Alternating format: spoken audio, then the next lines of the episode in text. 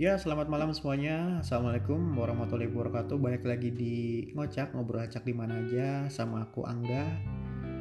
Terima kasih banyak uh, kalian sudah datang di podcast aku dan pada kesempatan malam ini aku akan bahas tentang meme yang aku temuin di Twitter. Uh, tentang apa pesanmu untuk muda-mudi yang kebelet nikah? Oke, langsung saja kita bahas ya guys mungkin di sini aku akan uh, membahas tentang poin per poin terlebih dahulu. Dan nanti uh, mungkin bagusnya gimana nih? Mau per poin apa langsung dijelasin atau aku bacain dulu semua poin nanti apa aku jelasin ya? Uh, mungkin uh, poin per poin dan langsung aku bahas kali ya. Mungkin lebih enaknya itu kali ya. Oke. Okay. yang pertama adalah poin pertama nih aku nggak sengaja juga sih sebenarnya uh, nemuin nemuin meme ini. Dan aku pengen banget bahas tentang meme ini yang yang menurut aku sebenarnya ya. Jadi uh, kalau misalkan kalian berpendapat lain ya itu terserah tapi ini pendapatku sendiri ya. Oke, uh, yang pertama adalah bentar. Jangan menikah karena kamu berpikir setelah menikah bisa pacaran halal. Menikah untuk menghindari zina, menghindari dosa, halah. Masih banyak cara menghindari dosa kok. Ah, mungkin ini kayaknya agak agak semacam itu ya, kayak interaksi sedikit. Uh, untuk poin untuk poin pertama adalah uh, di sini poin pertama menegaskan bahwa banyak cara uh, untuk menghindari dosa. Yaitu uh, pada saat menikah ya, kata orang ya kata orang menikah untuk menghindari zina. Iya iya ya benar juga sih menurut aku. Uh, uh, kegiatan yang yang hal-hal di dalamnya bisa menghindari kita dari zina yaitu dengan cara uh, membuat kegiatan yang positif baik satu sama lain ya kan? Dan bisa membawa pasangan kalian jauh lebih sehat jauh lebih baik dan itu bisa meningkatkan harmonis ya keharmonisan satu sama lain menurut aku oke? Lanjut ke poin kedua adalah buat laki-laki jangan menikah kalau belum bisa membiayai diri sendiri dan bertanggung jawab. Masih suka nongkrong sana sini menghabiskan waktu nggak jelas.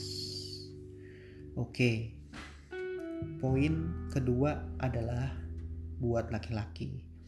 Jadi di sini adalah buat laki-laki yang yang dia menegaskan adalah jangan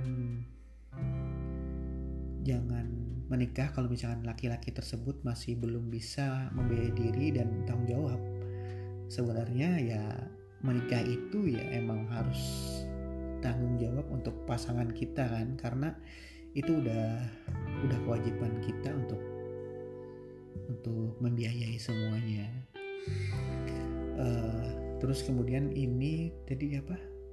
Masih suka nongkrong sana sini menghabiskan waktu nggak jelas. Oke ini kegiatan yang kurang positif yang menurut aku. Jadi uh, bagaimana seorang laki-laki itu bisa membawa dirinya untuk hal-hal yang positif dan berguna baik buat dirinya dan buat orang lain ya.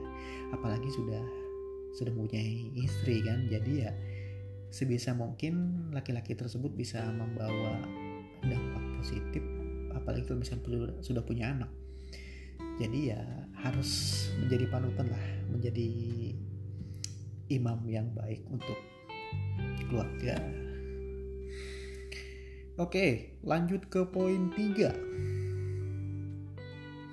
buat perempuan jangan menikah jika masih manja dan banyak drama. Oke di sini dia mempertegas adalah untuk perempuan.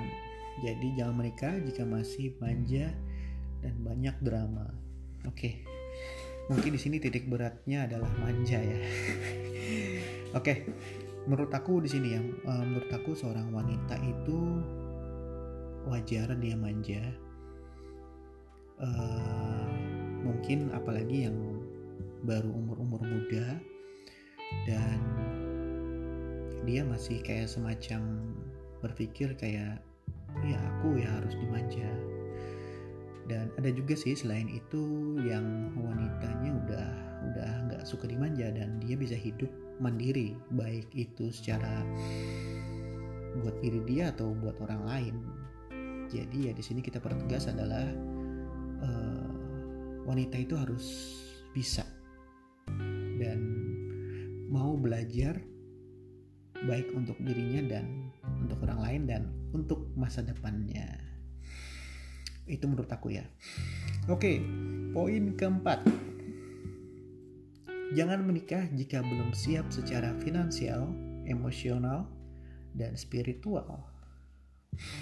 Nah di sini kita udah masuk ke ranah finansial, emosional dan spiritual ya. Ini mungkin kayaknya dasar-dasar kayaknya Di podcast lagi. Uh, untuk jenjang pernikahan ya semuanya emang harus di, dipikirkan secara matang dan di dirancang dengan cukup baik ya manajenya ya.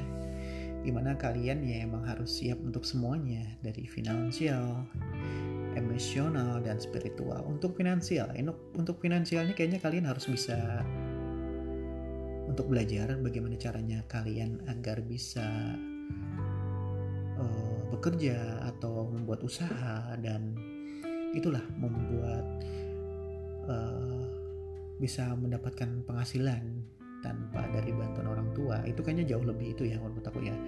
Jauh lagi jauh lebih nikmat karena itu hasil kerja kita sendiri. Terus emosional. Nah ini dia emosional. Ini kayaknya suatu hal yang sangat sangat susah untuk diatur ya emosional. Karena uh, satu sama lain misalkan dari cowok dari cewek kalau misalkan satu pasangan lain kalau misalkan tidak bisa menjaga ya susah juga. Menurut aku salah satunya harus bisa bersabar dan lebih baik. Dua-duanya harus bisa bersabar. Dan itu tadi dia harus menjaga emosionalnya. Uh, aku juga pernah pernah baca artikel gitu ya dan mungkin dari petua-petua orang lain juga orang tua juga bahwa uh, setelah menikah itu 40 hari kita emang harus dituntut untuk bersabar dan uh, jangan marahan. Oke. Okay. Berat ya. Di sini adalah jangan marah sama sekali tidak boleh marah. Kalian satu sama lain harus bisa satu sama lain harus bisa menjaga emosionalnya masing-masing. Terus ada yang uh, misalkan ada yang nanya ah, nggak bisa uh, kalau misalkan pasangan kayak gini gimana? No, kalian harus bisa sekuat kalian untuk menjaga karena mungkin dari 40 hari itu kita bisa belajar bagaimana caranya menahan emosional dan semoga terlepas dari 40 hari kita bisa bisa lebih kontrol uh, emosional kita uh, baik itu dari segi pria dan wanita.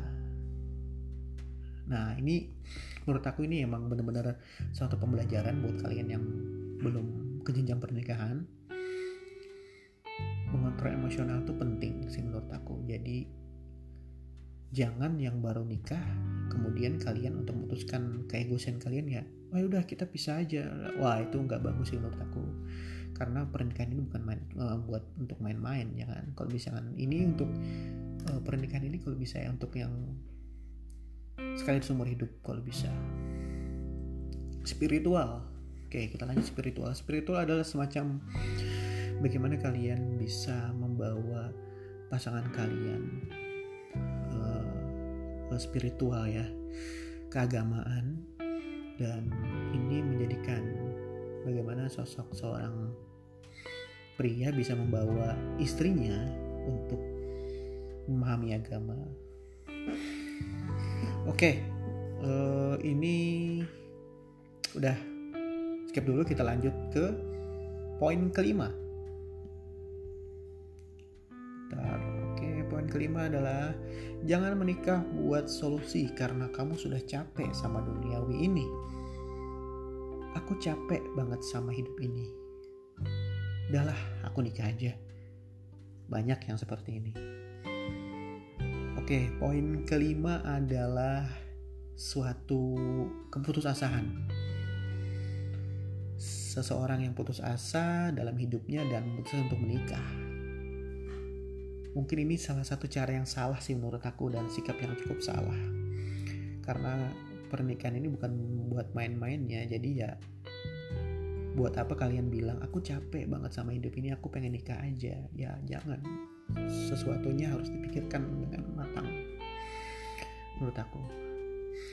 Oke, kita lanjut ke poin keenam Jangan menikah karena kamu dikatain belum menikah juga padahal sudah cukup umur. Kalau kamu masih bahagia dengan melajang, supel, supel saja mulut yang suka ngatain kamu dengan berkata, emang standar kebahagiaan kebahagiaan dengan menikah. Wey. Kalau Wang Ong Jawa tuh bilang cangkemmu itu loh cukup lucu ya di poin ke-6 ini ya. Jadi kita bisa baca uh, kalau kamu masih bahagia dengan melajang supaya supaya apa saja mulut yang mengatain kamu dengan berkata. Mungkin sini dia akan menegaskan bahwa uh, apa ya? Emang standar kebahagiaan dengan menikah tidak juga sih menurut aku. Oh maaf aku salah itu nih. Apa sih? Aku kurang sorry ya aku coba kita ulang lagi ya. Aku agak kurang paham di sini nih. Kita ulang ya. Jangan menikah karena kamu dikatain belum menikah padahal sudah cukup umur. Kalau kamu masih bahagia dengan melajang supel oh iya maaf aku berpaham jadi gini uh, jangan mendengarkan apa kata orang yang mengatakan seperti hal-hal seperti ini. Jadi kalian kalau misalnya kalian selama ini masih supel untuk bekerja dan survive untuk untuk hidup kalian, kenapa enggak gitu kan? Jadi menurut aku ini hal yang uh, wajib okay. terus lanjut lagi. Poin ketujuh ya. Oke. Jangan menikah hanya karena cinta. Itu emo itu egois namanya. Memang besok-besok kamu mau tinggal di mana? Besok-besok kalau anaknya sudah ada kamu mau kasih makan apa? Biaya pendidikan, anak kamu mau bayar pakai apa, kamu mau makan mau kamu mau makan mau beli pakai apa, ya pakai cinta lah. Jawab yang jawaban yang sangat kredibel kredibel sekali. Ya, di sini menjelaskan bahwa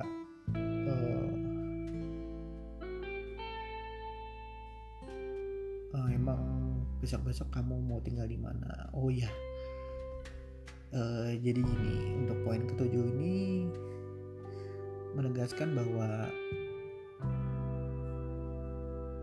jangan hanya dijawab pakai cinta. Balik lagi kayaknya ke itu ya kayak ke poin 4 ya. Uh, kalian harus siap dari finansial emosional dan spiritual. Bisa kita simpulkan sih ya. Oke, kita next point ke-8. Jangan menikah karena ikut tren menikah muda. Wah, banyak nih. Banyak nih yang kayak gini nih. Jangan menikah karena ikut tren menikah muda. Kebanyakan rata-rata ya uh, gimana ya? Kayak ngikutin omongan tetangga gitu kan. Eh, kamu kapan nikah? Dan dia dia galau dan dia bilang sama orang aku harus nikah dan sebenarnya dia masih belum siap apa pun finansial belum siap uh, emosional belum siap dan spiritual apalagi jadi ya di sini harus benar-benar dipikirkan secara matang ya di poin 8 oke guys aku sambil minum ya Oke, kita next lanjut ke poin ke 9. Di sini ada 16 poin dan ini poin ke 9. Kita lanjut. Oke, aku cek dulu sebentar. Oke, jangan menikah karena sudah kebelet seks. Hidup gak tentang selangkangan doang. Tidak sesederhana itu. Kebanyakan kayak gini ya. Uh, apalagi yang baru-baru umur umur muda gitu ya. Uh, mungkin menikah itu hanya sekedar memikirkan tentang seks aja sih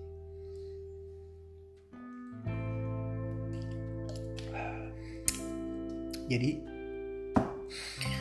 uh, untuk menikah harus uh, kita harus terima suka dan dukanya. Jangan hanya kita mau menerima sukanya aja dukanya nggak mau. Jadi emang harus ditanggung bersama sih menurut aku ya.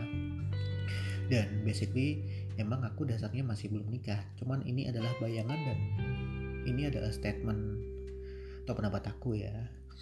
Jadi ya menikah menikah tidak selalu tentang seks oke okay? menikah harus bisa uh, menjalani semuanya dengan sabar oke okay, kita lanjut ke poin 10 jangan menikah karena semua teman-temanmu sudah menikah dan kamu ingin menikah juga tanpa berpikir panjang. Oke. Kita jawab aja ya. Jadi pada intinya harus berpikir panjang, harus dipikirkan baik-baik, harus dibicarakan baik-baik bagaimana ke depannya dan bagaimana cara untuk menjaga semuanya agar tetap baik ke depannya, ya. Oke, lanjut lagi kita ya di poin 11 jangan menikah dengan orang yang benar-benar tidak kamu cintai. What? Oh sorry. Kayaknya ini banyak ya kayak gini ya. Jadi uh, dia menikah yang dia nggak cintai. Mungkin karena faktor orang tua dijodohkan atau lain-lain ya kita nggak tahu ya. Sebaiknya kita bicarakan baik-baik ke kepada orang tua bagaimana nasib kita ke depannya. Karena kita yang jalanin kita yang ngerasain dan bukan mereka yang ngerasain semua. Emang bener ya mereka yang doain. Tapi setidaknya mereka bisa lebih memahami dan mengerti siapa yang sebenarnya kita cintai ya. Jadi ke depannya enak. Jadi kalau misalkan orang tua bilang ini tuh ya kita emang sudah oh ini emang udah jalan takdirku. Ini udah emang pasangan hidupku. Jadi ya ya udah kalau misalkan ke depannya banyak cobaan kalian harus sabar. Oke. Okay. poin ke 12 jangan berpikir dengan menikah kau bisa mengubah laki-laki atau perempuan kasar pemabuk merokok tukang selingkuh menjadi berubah Orang tuanya saja tidak bisa merubah, apalagi kamu. Tidak usah seakan bisa merubah hidup orang lain. Cukup rubah saja hidupmu menjadi lebih baik. Wow, ini suatu itu ya, suatu uh, motivasi menurut aku. Benar-benar uh, poin yang cukup bagus ya di sini ya. Jadi ya pada dasarnya kita harus lebih bersabar menghadapi orang-orang seperti ini dan pelan-pelan untuk memberitahunya bahwa misalkan uh, dia melakukan kesalahan. Dan banyak orang yang yang nggak terima dengan sikap-sikap seperti ini ya ya apalagi yang kayak diselingkuin dan kasar apalagi yang suka mukul atau segala macam ya itu baik lagi ya ke diri kita. Bagaimana kita menyikapinya uh, ini menjadi suatu problem setiap setiap uh, rumah tangga menurut aku ya. Entah itu dari pihak perempuan atau pihak laki-laki yang suka pemabuk perokok tukang selingkuh.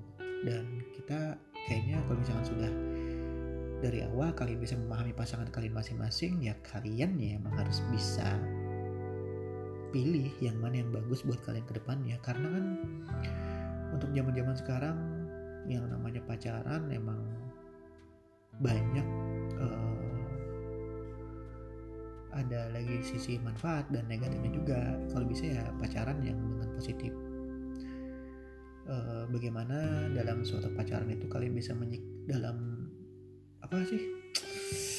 Mencari atau menilai sikap pasangan kalian masing-masing. Kalau misalkan pasangan kalian kalian sok-sokan untuk merubah tapi dia nggak bisa merubah aduh jangan deh agak susah kayaknya ya jadi tinggal kalian lagi yang mengambil keputusan karena kalian dari awal sudah tahu bagaimana pasangan kalian masing-masing. Oke, kita lanjut next ke poin ke-13. Jangan menikah kalau kamu masih mengumbar masalah privasi. Oh, maaf, kita aku ulang ya. Jangan menikah kalau kamu masih mengumbar masalah privasimu ke publik di sosial media. Wow. Ya. Di sini aku setuju banget ya. Uh, menurut aku gini ya. Apa pun itu permasalahan kalian menurut aku jangan sama sekali kalian share di Facebook atau media sosial. Karena itu adalah uh, mengumbar aib kalian sendiri sih sebenarnya. Dan supaya apa gitu kan? Supaya orang tahu tentang perasaan kalian. Ya kalau bisa janganlah apa yang kalian rasakan, apa yang kalian lakukan, apa yang kalian alami, stop. Jangan share tentang keadaan atau perasaan kalian di media sosial. Cukup kalian berdua yang tahu. Oke, okay, itu. Kita lanjut next ke poin ke-14. Jangan menikah kalau kamu masih minta uang biaya pernikahan sama orang tua. Oh, so good. nice. Ya. Oke. Di sini bisa paham ya. Buat nikah ya jangan minta dari orang tua kalau bisa. Kalau bisa ya usaha kalian sendiri. Kalian bisa nabung, kalian bisa bekerja, kalian bisa berusaha. Karena mungkin uh, pernikahan dengan biaya orang tua ya kita bagaimana cara membalasnya ya kan nggak mungkin juga kita bisa membalas. Syukur-syukur kita bisa bayar. Kalau misalnya kita tidak bayar aduh. Takutnya jadi omongan dan masalah ini akan terungkit ke depannya. Ya. Itu saja sih yang yang aku khawatirin.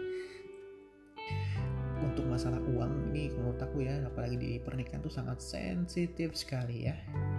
Kalau yang benar-benar yang ngerti ya nggak apa-apa. Kalau yang nggak ngerti ya nggak bisa. Ya itulah kalian kalau misalkan kalian uh, sudah cukup mampu untuk finansial dan kalian ada tabungan, yuk silakan. Kalian bisa pilih uang itu untuk apa terserah. Tapi ya tujuannya ya menikah ya monggo silakan. Oke, tinggal dua poin lagi kita lanjut ke poin 15. Jangan menikah hanya karena pasangan kamu cantik atau ganteng. Makan tuh fisik. Besok-besok kalau udah umur pas nanti juga udah keriput. Ya ini pernah dibahas ya di podcast aku sebelumnya bersama Firda ya. Secantik apa pun seganteng apa pun kok bisa udah tua ya pasti keriput? Ya kalian harus bisa terima pasangan kalian masing-masing. Jadi jangan kaget kalau misalkan kalian baru kalian memilih yang ganteng yang cantik dan sudah tua kalian ilfil atau minder ya itulah pasangan kalian ya. Jangan kalian uh, menyesal itu udah pasangan kalian. Itulah tadi. Balik lagi rasa syukur pada pasangan kalian masing-masing. Oke terakhir. Jangan menikah karena pasanganmu punya materi yang banyak mapan tapi tidak tahu caranya bertanggung jawab dan menghargai orang lain. Wah. Ini itu banget nih. Kayak semena-mena ya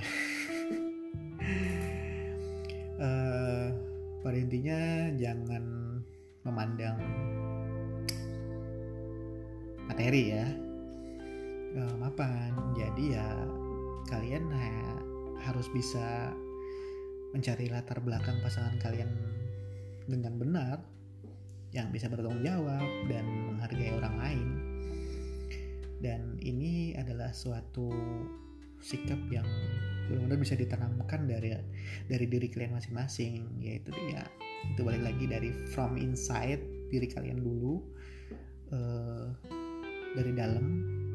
Kalau misalkan kalian sudah memperbaiki from inside kalian bisa keluar untuk menyikapinya.